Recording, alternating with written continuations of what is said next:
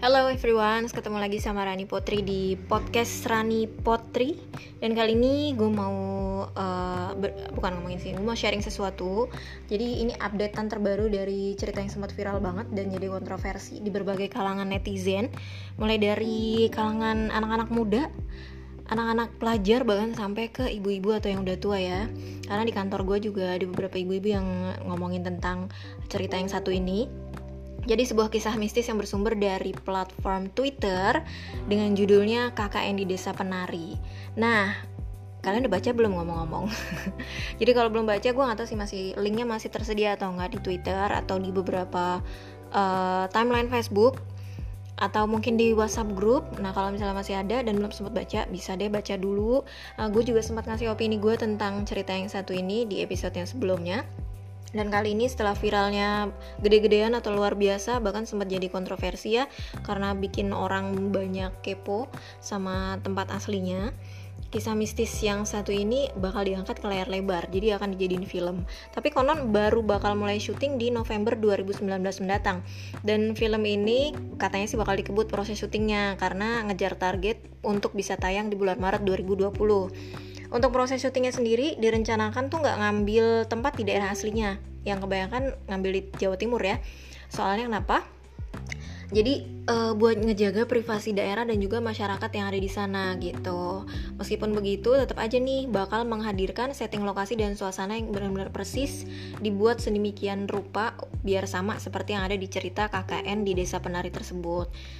Jadi jangan takut untuk kehilangan nuansa seremnya atau jam scare jam scare-nya gitu.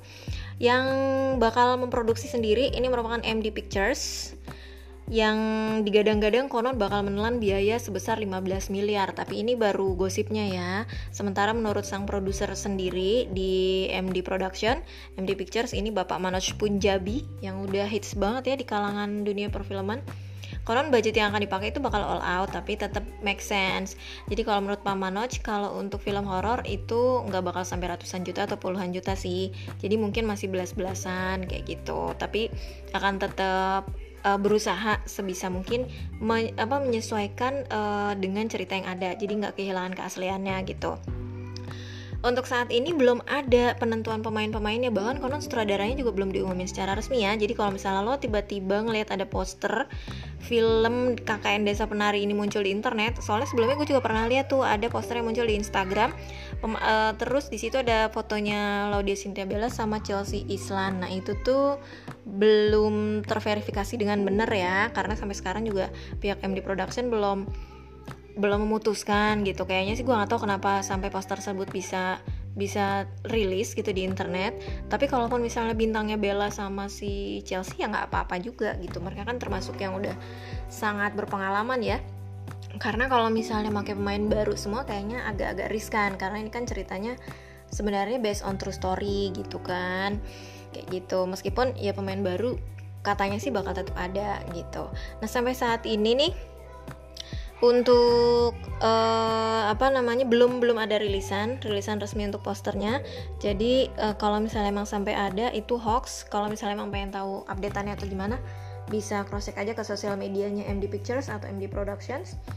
Biar uh, tahu nih gimana perkembangan syuting KKN di Desa Penari. Kalau misalnya emang lo udah kepo banget atau curious banget tentang cerita yang satu ini. Kita tunggu aja kayak apa nanti hasilnya di Maret 2020 mudah-mudahan sih masih apa ya masih ada momennya tidak kehilangan uh, momen dari cerita ini karena kan emang sesuatu yang tren kadang bisa bisa ini ya bisa cepat berganti lagi ketika ada tren yang baru lagi gitu. Jadi mudah-mudahan sih tapi meskipun nanti ada tren lagi kisah si kakak yang di desa penari ini memang cukup ini sih cukup spesial gitu ya. Karena ya ya menarik aja gitu kalau gue menarik terus kisah mistisnya tuh kayak bener-bener real gitu dan ya memang berdasarkan true story sih gitu. Cuman uh, ini tuh memang kita tuh antara antara believe uh, believe it or not gitu believe not believe gitu ya. Jadi kayak program gue ya gitu deh kita tunggu aja nanti ya seperti apa hasilnya nanti. Mudah-mudahan tidak mengecewakan ekspektasi para uh, penggemar film atau penonton film di mana pun berada terutama bagi netizen yang udah sempat baca uh, cerita cerita tertulisnya gitu. Dan juga ini ada bukunya ya untuk kakak yang di desa penari ini.